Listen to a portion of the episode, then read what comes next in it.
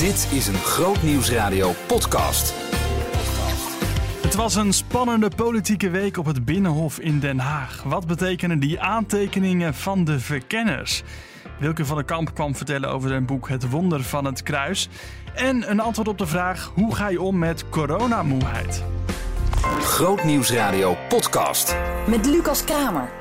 Welkom bij deze nieuwe podcast van Groot Nieuws Radio. Ja, het was een ongekend spannende politieke week. Na de verkiezingen zijn Kajsa Ollongren van D66 en uh, Annemarie Jortsma van de VVD aangewezen om te verkennen welke coalities mogelijk zijn. Maar donderdag, toen gebeurde er ineens heel veel. Allereerst ging Ollongren hals over kop naar huis toen bleek dat ze positief getest was op het coronavirus. Maar bij het verlaten van het Tweede Kamergebouw waren haar aantekeningen duidelijk zichtbaar voor een fotograaf. En die werden al snel gedeeld. Zo was er iets te lezen over het Tweede Kamerlid Pieter Omtzigt van het CDA. Daar stond bij functie elders. En ook was te lezen dat linkse partijen elkaar niet vasthouden. En dat een meerderheid in de Eerste Kamer voor niemand een must is. Nou, daarop stapten Ollongren en Jorritsma op en diezelfde dag stonden hun opvolgers klaar. Dat werden Tamara van Ark van de VVD en Wouter Koolmees van D66. Marien Korterink besprak het nieuws donderdag met Auke van Eijsen, politiek verslaggever bij het Nederlands Dagblad. Ja, die aantekeningen die liggen gevoelig, vooral ook waar het om Pieter Omtzigt gaat bijvoorbeeld. Wat zou een functie elders nou kunnen betekenen? Daar zit ik de hele dag al over na te denken. Ja, nou, en ik denk dat uh, we ook niet heel veel meer weten dan jij en ik zelf kunnen bedenken. Want uh, het is eigenlijk nog helemaal niet duidelijk wie dit nou precies natuurlijk heeft geopperd, waarom dat op dat papier stond. En dus ook niet wat zo'n functie elders kan betekenen. Wat natuurlijk wel bekend is, is dat veel mensen een beetje vrezen voor Pieter Omtzigt als fractievoorzitter of als minister. Dus nog een twijfel of hij daar nou echt geschikt voor is. Um, en dat, nou ja, als je daarvan uitgaat, is een functie elders misschien wel een, um, uh, gewoon het Kamerlidmaatschap of een andere hoge functie bij een ministerie. Dat, dat blijft echt, uh, wat ik zeg gisteren, daar is, nog, uh, daar is nog helemaal geen duidelijkheid over. Ja, maar ze stappen natuurlijk ook weer niet voor niks op, denk ik dan. Nee, ze stappen op omdat het zo ongelooflijk pijnlijk is dat er natuurlijk um, deze notulen nu uh, in de openbaarheid zijn gekomen. Dat is, de, ja, dat is ook wel echt een beginnersfout. Um, uh, je moet altijd zeggen ambtenaren tegen elkaar de tekst van het papier naar binnen dragen. En als het even kan, natuurlijk gewoon een mapje eromheen doen. Ja. Uh, ja, en dat dit, dat dit nu zo op status komen liggen is erg pijnlijk. En de onrust die daardoor is ontstaan, de, de, de enorme commotie, alle partijleiders die zich uh, hebben moeten uitspreken, ja, dat heeft er ook wel aan bijgedragen dat hun positie gewoon onhoudbaar werd. Ja. Wat zegt dit nou eigenlijk over de cultuur in de Tweede Kamer op dit moment? Ja, VVD en D66 hebben um, uh, uh, nog niet um, ontkend dat zij betrokken zijn geweest bij de totstandkoming van dit papier. Dit ging over, die notulen gingen over besprekingen met VVD en D66, met Rutte en Kaag dus. Maar verder heeft iedereen inmiddels uh, ontkend. De cultuur in de Kamer, ja, ik zit er nu een jaar, werk ik op het Binnenhof. En, maar volgens mij, als ik, als ik boeken lees en documentaires daarover kijk, is er volgens mij al decennia hetzelfde. Er wordt gelekt, geroddeld en geruzied. Um, en, en dat is wat dat betreft um, uh, niet heel veel aan veranderd. Wat wel bijzonder is natuurlijk, is dat het nu al weken en vooral de laatste dagen gaat over een Kamerlid dat overwerk thuis zit. Een enorme ophef over iemand die zich daar zelf niet in mengt. Ja, en dat maakt het eigenlijk ook gewoon best wel een beetje triest wat er nu allemaal gebeurt. Ja. Dan eventjes naar dat papiertje. Wat komen we nou eigenlijk verder te weten over de formatie tot nu toe en de rol van een verkenner dankzij deze aantekeningen? Ja, wat ik zei, het belangrijkste daarbij wat je moet bedenken is dat we niet weten van wie dit papiertje ja. is. Ja, we weten dat Ollongren het bij haar droeg, de verkenner. Maar het kan ook bijvoorbeeld, ik noem maar wat, een, een, voorbereiding zijn van een ambtenaar die voorspelt dat dit misschien ter sprake gaat komen. En dan is het natuurlijk al veel minder gevoelig. En dan kun je ook veel minder waarde hechten aan wat er op dat papier staat. Wat uh, vermoed je zelf net wat dingen, hè? Nou, ik, ik vind dat echt wel heel lastig om, om, om daar iets, uh, iets over te zeggen. Ik, ik vermoed als ik toch iets zou moeten zeggen, dan lijkt het me sterk dat wat hier op dit, dat papier stond, uh, niet eerder al ter sprake is gekomen in gesprekken met de onderhandelaars. Het lijkt me heel vreemd namelijk als verkenners op eigen initiatief speculeren over de functie van een individueel Kamerlid, over de samenwerking van linkse partijen, over de onderhandelingsstijl van een uh, partijleider. Dat heeft niets te maken met de functie van verkennen. Het is een heel simpel beroep eigenlijk. Hè? Wat je moet doen is in één, twee weken tijd met alle partijen een keer praten. Kijken of je ergens misschien al een beetje licht ziet, een beetje mogelijkheden. Dan draag je dat vervolgens over aan een informateur. En dat, dat, hè, dat zijn ook voor die hoge heren en dames die zich vervolgens weken tot maandenlang met de hoofdrolspelers opsluiten. En daar wordt een nieuw kabinet gevonden. Die verkenners hebben helemaal niet zo'n moeilijke taak. Nee. Al helemaal niet zo gedetailleerd als er nu op het papier stond. Ja, en dat verbaast me dus een beetje over die functie. Ik dacht gewoon, je gaat inderdaad met iedereen eens kijken. Of, nou, hoe zou je, zou je ervoor openstaan?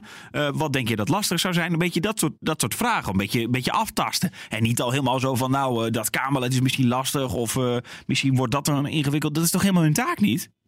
Dat is absoluut hun taak niet. Hè? Vroeger deed de koning dit. Nou, mm -hmm. Je kunt je niet voorstellen dat koning Willem-Alexander het op eigen initiatief zou gaan hebben over de functie van uh, Kamerlid Pieter Omtzigt. Nu hebben, ja, nu hebben politieke mensen dit overgenomen. Het parlement is nu aan zet. Maar nog steeds is dat heel onwaarschijnlijk. Dus de kans vind, is wat mij betreft groot dat dit inderdaad is besproken met één of meerdere um, partijleiders. En dan wordt het natuurlijk heel erg pijnlijk. Want dat is absoluut not done. Omdat we nog in de verkennende fase zitten. Maar sowieso om te zeggen van dit Kamerlid, waarschijnlijk, dat mag je wel invullen, omdat hij erg kritisch is. Dit Kamerlid, daarvoor moeten we eens een andere functie bedenken. Dat, ja, dat is heel ongemakkelijk. Ja. Hey, uh, ja, er is zoveel te bespreken, dus we gaan gewoon maar even het lijstje af. Want uh, nou zag ik dat Lilianne Ploemen bijvoorbeeld net nog twitterde van... Uh, we moeten hier een debat over voeren. dat lijkt me ergens ook wel weer lastig, want ze zijn al afgetreden als, als, als verkenners. ze zijn natuurlijk ook wel demissionair. Ja, ja ik, ik, ik snap dat ze een debat willen, maar wat kunnen daar de gevolgen dan uiteindelijk van zijn? Ja, ja. Um, nou ja, er komt waarschijnlijk volgende week wel een debat. Dat stond ook al een beetje op de planning. Um, dat zou gaan over het eindrapport van de verkenners. Die, die bieden dan dat rapport aan. Daarmee geven ze eigenlijk het stokje door aan de informateurs dus. En dan zou de Kamer daarover spreken.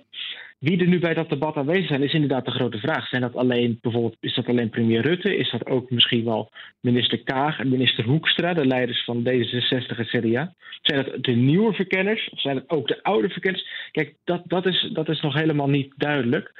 Uh, kijk, het is wel duidelijk, de, de Tweede Kamer die kan um, ministers en staatssecretarissen ontbieden. Dat zijn dus ook minister Ollongren, die verkenner was. Dat zijn ook Van Ark en Koolmees, die nu mm -hmm. verkenner zijn mevrouw Jorritsma, die zit in de Eerste Kamer. Die heeft eigenlijk niets te zoeken in de Tweede Kamer. Die kan daar wel komen als de Kamer dat wil, maar die kan daar niet toe worden gedwongen. Dus het is echt de vraag wie daar um, volgende week staat. Maar één ding is eigenlijk wel zeker: het wordt een heel pijnlijk debat. En ik verwacht de komende dagen nog meer duidelijkheid hierover. Bijvoorbeeld. Van de kant van VVD en D66, die nog niets hebben laten weten. Ja, nou daarover gesproken. Er zijn natuurlijk alweer twee vervangers gekozen, Van Ark en Koolmees. Nou, uh, ten eerste, die hebben hun portefeuilles medische zorg en sociale zaken, uh, die in coronacrisis druk zijn. Maar ook, ja, als VVD en uh, D66 hier betrokken zijn bij zijn, dan, dan heeft het eigenlijk ook niet zoveel zin misschien om twee nieuwe verkenners of, van die partijen weer te benoemen, toch? Want die hebben dan met hetzelfde probleem te maken. Ik wil je aanraden, Marien, om morgen in het Nederlands Dagblad een commentaar te lezen van mijn collega Gerard Beverdam, uh, ook politiek verslaggever. Want die verwoordt eigenlijk precies wat jij hier nu ook zegt. Het is veel te politiek beladen. Die had het gewoon aan een, aan een min of meer buitenstaander moeten overlaten, die uh, snel deze verkenning had af kunnen ronden en waarna we konden overgaan tot de informatie. Ja. Um, uh, kijk, Van Ark en Koolmees zijn nu benoemd. Daarmee zou je ook wel uh, kunnen vermoeden dat men uit is op een snelle formaat, uh, snelle verkenning. Dat ze het proces nu vlug willen afronden. Het zijn twee mensen die er ook niet heel lang uit kunnen. Want je hebt het hier wel over de ministers voor medische zorg en van sociale zaken. Ja. Het is geen bijbaantje. Dus je, je zou kunnen zeggen, deze benoeming toont ook wel aan dat het geen heel lang verkenningsproces moet worden. Je zult niet alle partijleiders opnieuw naar Den Haag zien afreizen. Al helemaal niet vanwege de coronacrisis. Ja. Kunnen we de consequenties van zo'n debat en van wat de komende dagen ongetwijfeld toch naar buiten gaat komen eigenlijk al inschatten? Nee, dat, dat, ik denk dat, dat echt niemand dat nog kan. Omdat er zoveel nog onduidelijk is. Stel nu dat op initiatief van Rutte van de VVD of Kaag van D66 is gesproken over Pieter Omtzigt, over de functie van een individueel Kamerlid. Ja, dan heb je al echt een schandaal waar Rutte misschien in zijn hele tien jaar, elf jaar als premier nog niet mee te maken heeft gehad. Ja. Maar dat is echt speculeren. Het is absoluut niet duidelijk dat dat het geval is. Het is absoluut ook niet duidelijk dat er überhaupt op negatieve wijze is gesproken over Pieter Omtzigt. Heel hypothetisch zou het kunnen gaan over de vraag: kunnen we hem vicepremier maken? Het is natuurlijk niet heel logisch, maar we weten nog Ja, te weinig om echt al op die zaken vooruit te kunnen lopen. Ja, maar ik ga, jij gaat spitten de komende dagen, ga ik vanuit. Nou ja, eh, de, de mensen met wie, wie je spreekt, die, ehm, eh, die, die wijzen toch vooral naar elkaar momenteel inderdaad. Maar eh, zelfs bij de top van politieke partijen merk je toch ook wel heel veel onwetendheid gewoon. Het, het punt is natuurlijk dat een ministerraad bijvoorbeeld, daarbij zitten alle partijen eigenlijk bij elkaar. Maar de gesprekken die hier zijn gevoerd zijn telkens met de verkenners en maar één andere partij. Ja. Wat daar is besproken, dat weet alleen die partij. En verder niemand. Dus het is heel veel gissen, ook in, ook in, het, eh, in, in de, aan de top eh, van Den Haag. Je hoorde Auke van IJzen van het Nederlands Dagblad. Ja, komende week is er een debat in de Tweede Kamer. Een grote meerderheid wil opheldering na alle perikelen van afgelopen week. Ollongren en Jorritsma die hebben medewerking toegezegd aan dit debat. Ehm, ook al zijn ze opgestapt als verkenner. Grootnieuwsradio podcast. Met Lucas Kramer. Ja, ben jij coronamoe? Dan kun je misschien iets hebben aan een nieuwe training van de CAE. Die gaat over zin en perspectief op je werk. Zometeen hoor je daar meer over. Eerst horen we Wilkin van der Kamp, schrijver van het boek Het Wonder van het Kruis. Dat eh, absoluut lezenswaardig is in deze tijd voor Pasen. In dat boek neemt hij je mee naar de laatste 18 uur van het leven van Jezus. En de zeven keer dat zijn bloed heeft gevloeid. Want zijn bloed brengt ons niet alleen vergeving, maar ook verlossing, reiniging, genezing, bevrijding, verzoening en wedergeboorte. In Bijorieke vertelde Wilkin van der Kamp over het eerste moment dat Jezus bloedde. Ja, we mochten toen we de televisieserie maakten, De Zeven Wonderen in Jeruzalem, mochten we daar in de Hof van Gethsemane, waar Jezus voor het eerst bloedde, mochten we eh, dat filmen. En mochten we het ook uitleggen. En toen hadden we de hele Hof van Gethsemane afgehuurd voor onszelf. Ja, Om, om echt te kunnen filmen. wauw. Ah, Eh, dat- hoe groot is dat eigenlijk? Ehm, ja, hoe groot is dat? Oh, dan even kijken. Ik denk 40 bij 50 bij 50 meter of Oh, zo. ja. Dat stuk in ieder geval. Ja, ja, ja. En we weten natuurlijk niet of dat die plek precies was, maar eh, wel ongeveer. Ja. En toch is dat een heel mooi, eh, een hele mooie plek. Als je dan het daar ook mag vertellen. Hè, dat Jezus daar voor het eerst gebloed heeft. En dat was op een moment ehm, dat de vader vroeg aan de zoon: Wil jij de beker leeg drinken? En, hè, en, en we denken vaak: ja, dat is de beker van het lijden. En dat was het ook. Maar de Bijbel spreekt ook over de beker van Gods toren. Hè, in de zin van. De beker was gevuld met de zonde van de wereld. Mhm. En in Jeremia 25 lees je onder andere dat elk volk die beker moet leegdrinken en verantwoordelijk is voor zijn eigen zonde, met alle gevolgen van dien. En de vader vroeg aan de Heer Jezus, wil jij die beker leegdrinken in hun plaats? En dan denken we, ja natuurlijk, want de Heer Jezus is daarvoor gekomen. Al voor de grondlegging was het plan er al dat hij zou sterven voor ons. Ongelooflijk. Eh, en we denken, natuurlijk wilde de Heer Jezus dat. Maar hij wilde het helemaal niet. Zijn eerste, was reactie, zijn eerste reactie was nee. In Hebreeën zegt hij heeft gehuild, hij heeft gesmeekt. En we lezen, zijn zweet veranderde ook in bloed, of althans eh, mixte zich met, met het bloed. En hij eh, zweette bloeddruppels die voor het eerst de aarde door, doordrongen. Eh, dus dat is een enorme strijd geweest. Waarom wilde de Heer Jezus dat niet? Omdat hij wist, als ik die beker ga leegdrinken, eh, dan word ik met zonde gemaakt. Wat Paulus later ook zegt hè, in, 1 Korinthi, in de eerste Corinthiërsbrief, Mhm. Hoofdstuk 5. eh, hij werd met onze zonde tot zonde gemaakt. Dus Jezus wist, als ik die beker ga leegdrinken, dan ga ik voelen wat zij voelden, ga ik zien wat zij zagen. En, en we kunnen ons nooit voorstellen wat de man zonder zonde, Jezus, de Zoon van God, doormaakte in Gethsemane. En dat is het meest indrukwekkende deel van, eh, van de laatste 18 uur. Oh, het Jezus is meteen het meest indrukwekkende. ja, ik heb eh, mijn eerste internationale conferentie was geloof ik hierover in, in, in, in, eh, in Suriname jaren geleden. Toen hadden we die hele grote hal tegenover het eh, presidentieel paleis eh, afgehuurd. Die zat stampvol. En ik begon meteen, want ik denk ik moet mijn tijd goed gebruiken, de Seven Wonders, in twee dagen. En ik begon meteen met de eerste beker. En ik vertelde dat verhaal. Jezus dronk die beker. En hij werd met jouw zonde tot zonde gemaakt. En dan vertel ik dat heel visueel. En omdat ik ook gezien heb in Nederland wat er dan gebeurt. Als we dan een oproep doen en er zit 1500 man in de zaal, komen 1200 man komt naar voren. Dat is echt waar. Uh, naar voren om? Om of Jezus te bedanken dat hij dit gedaan heeft voor mij. Of om mijn beker gevuld met mijn zonde aan de Heer Jezus te geven. Dat is altijd de eerste hmm. oproep. Dat je vergeving mag ontvangen van wat er ook is gebeurd, wat je ook hebt gedaan. Jezus heeft het gezien, hij heeft het geproefd, hij heeft het gehoord. Uh, en, en, en, en je mag het nu aan hem geven. En dat is een indrukwekkend moment. Maar toen in Suriname kwam er bijna niemand naar voren. Het was te heftig. En in een schaamtecultuur, dat moest ik ook leren natuurlijk. Ja, ga je niet zomaar naar voren en ga je je beker met al je hmm. rotzooi uh, zeg maar geven. Ook al ziet niemand wat er in jouw beker is. maar denken ze misschien wel, ja, ja. Okay. Waarvoor gaat hij naar voren? Dus dit is het meest indrukwekkende moment, denk ik, in, in de laatste 18 uur van Jezus. Ook het meest uh, visueel uh, bizarre moment voor mij als kind. Bijvoorbeeld op de basisschool leer je natuurlijk ook alle bijbelverhalen over Jezus. Tenminste, ik zat op een mhm. christelijke basisschool. En dan dat die, hij zweette bloeddruppels. Ja. Is dat, kan dat echt? Ja, artsen over de hele wereld hè, hebben dat uh, onderzocht. Ook in Nederland, uh, Amerika, Frankrijk, weet ik veel waar allemaal. En dat heb ik natuurlijk ook allemaal gelezen in, in het jaar dat ik de laatste 18 uur bestudeerde. Ja, dat is ook een Latijnse term voor hematidrosis. Dat als je onder een bepaalde druk komt te staan, bovenmenselijke druk, dan kun je bloed zweten. En uh, piloten uh, in van die gevechtsvliegtuigen die onder zo'n druk komen te staan, kunnen bloed zweten. En eh, als ze manoeuvres maken en er komt zoveel uh, G-krachten op hen, mhm. dan, dan, dan knappen de, de, de, bloed, de, de bloedvaatjes. Ja, de bloedvaatjes de, in, in de haarvaatjes, zeg maar, in de poriën, die knappen.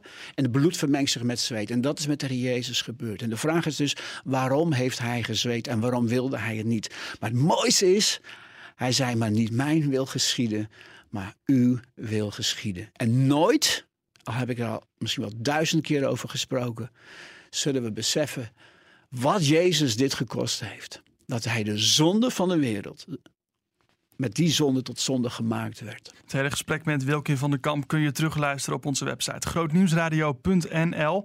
En als je vaste luisteraar bent van dit podcastkanaal, dan vind je de komende weken hier elke dag een aflevering van het uh, speciale programma De Stille Week, waarin Wilkje van der Kamp je meeneemt in de laatste 18 uur voor Jezus sterven. Nou, abonneer je op dit podcastkanaal, dan mis je deze uitzendingen niet. Grootnieuwsradio podcast met Lucas Kramer. Het was ook de week van een nieuwe persconferentie van premier Rutte en minister De Jonge over het coronabeleid. Ja, vanaf komende woensdag schuift de avondklok een uurtje op. Je mag dan tot 10 uur buiten zijn. Ja, misschien ben je ook wel moe geworden van al dat coronanieuws en ben je op zoek naar zin en perspectief. Nou, dan kan een nieuwe training van de Christelijke Hogeschool Ede misschien wel iets voor je zijn. Want samen met het kenniscentrum Zin Verzetten hebben ze een training ontwikkeld die je kan helpen bij coronavermoeidheid. Bedoeld voor je werk, maar ook toepasbaar voor daarbuiten. in die training staan vier elementen van zingeving centraal. Zo legt Peter Henk Steenhuizen van Zinverzetten uit. En zingeving werd heel vaak als iets vaags gezien als iets hogers, iets zweverigs. En toen ik uh, aan het werk ging met René Gude, voormalig Denker des Vaderlands, toen zijn wij gaan kijken naar dat woordje zin. En hij zei, daar zitten eigenlijk vier woordjes in. En het eerste, dat noemde hij dus het zinnelijke. Dat beschouwt hij als het lijfelijke, het lekkere, het lichamelijke. Het tweede, dat noemde hij het zintuigelijke. Dat is het esthetische, het mooie of wat lelijk is. En dan het zinrijke, dat gaat eigenlijk over het verwoorden ben je in staat je taken te verwoorden. En het zinvolle, dat lijkt meer op wat we oorspronkelijk bedoelen met zingeving. Dat gaat over je doelen. Sta je achter je doelen van je leven. En als we dat toepassen op, op corona-moe zijn, um, wat zijn typische kenmerken als je naar die vier elementen kijkt? Nou, ik zat net eventjes nog eh, de krant te lezen en dan kom ik er twee direct tegen. Eén, er was um, één bericht ging over het feit dat Nederlanders slechter in gezondheid zijn, slechter in lichamelijke conditie zijn dan voor corona. Nou, dan zie je dat de energie wegcijpelt. Mensen zijn moe, mensen zijn moedeloos aan het worden. Dat heeft duidelijk op die eerste zin. Het lijfelijke. Ja. Het lijfelijke. Maar ik zag net ook dat mensen het stilzitten moe zijn en op zoek gaan naar een andere baan. En wat ze daarbij doen, is kijken of ze een kant van zichzelf kunnen ontdekken die ze in hun huidige baan niet tegenkomen.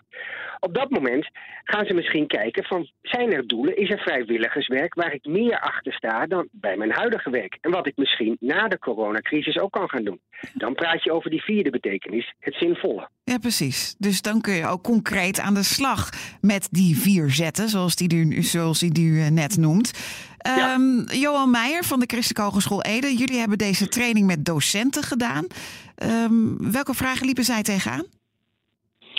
Nou, uh, vanaf maart vorig jaar ben ik, uh, toen corona, of tenminste de lockdowns intreden deed, ben ik citaten gaan opschrijven van met name collega's. En ik was erg onder de indruk van de impact die het heeft op mensen. Ook op mezelf. En uh, toen ben ik in contact gekomen met Henk Steenhuis, Peter Henk Steenhuis, uh, met het zingevingskader. En het gaf mij een soort kijkvenster waar ik naar mijn problemen kan gaan kijken. Dus het pelt als het ware mijn gevoelens af, want iedereen baalt ervan. Maar wat is er nou ervan balen? En dat het afrafelen van, zeg maar, van, die, van die gevoelens maakt dat je ook een handelingsperspectief krijgt om naar je probleem te kunnen kijken. En, en kunt u dat eens concreet maken, een voorbeeld?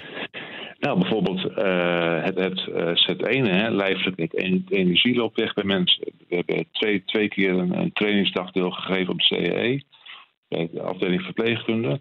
De eerste dag ging over uh, jij als medewerker en de tweede dag jij als teamlid. En de eerste dag hebben we vooral verkend wat het is, wat het betekent om zeg maar corona moe te zijn. Wat betekent dat dan voor jou? Kun je het ook taal geven? Kun je er ook iets aan verbinden wat je handelingsperspectief geeft? En bijvoorbeeld mensen hebben uh, op de CE hebben ze een soort loopgroepje zijn ze gestart als het gaat over energie.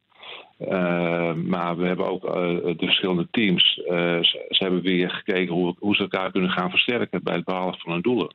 Of er zijn nieuwe teams geformeerd. en als je bijvoorbeeld heel, heel eenvoudig, maar over Z2, hè, dat, dat, dat ja, dat esthetische, ja. uh, het gebouw vaak. Uh, heel simpel, bijvoorbeeld een appeltje als je weggaat bij, uit het gebouw met, met uh, tot ziens, hoop je snel weer te zien. Dat soort hele kleine dingen. Ja, ja het, het esthetische, de, de hele CAE is ook vol met pijlen, hè? welke kant je op mag lopen en welke kant niet. Ja, ja, ja, ja. ja. Heel veel doen het begin. A, omdat iedereen gek wordt van de pijlen en de route volgens mij ook niet klopte. Uh, maar het geeft natuurlijk ook iets heel erg belerends. Van je moet die kant op, je Mhm. moet die richting op gaan. Ja. Uh, ja, dat doet iets met mensen hun vrijheid. Met, met, uh, ja, je, je, wordt gedwongen om een bepaalde kant op te gaan. Ja. Dat vinden wij Nederlanders toch kennelijk moeilijk. Ja, best wel hè. En, en, Ja. en dat zinrijke, om er nog maar eens even eentje uit te pakken, dat, dat verwoorden van wat, wat, wat ervaar je nou precies? Hoe helpt dat in, in deze coronamoeheid? Uh, nou, Sinrijk gaat bijvoorbeeld over je taken als docent.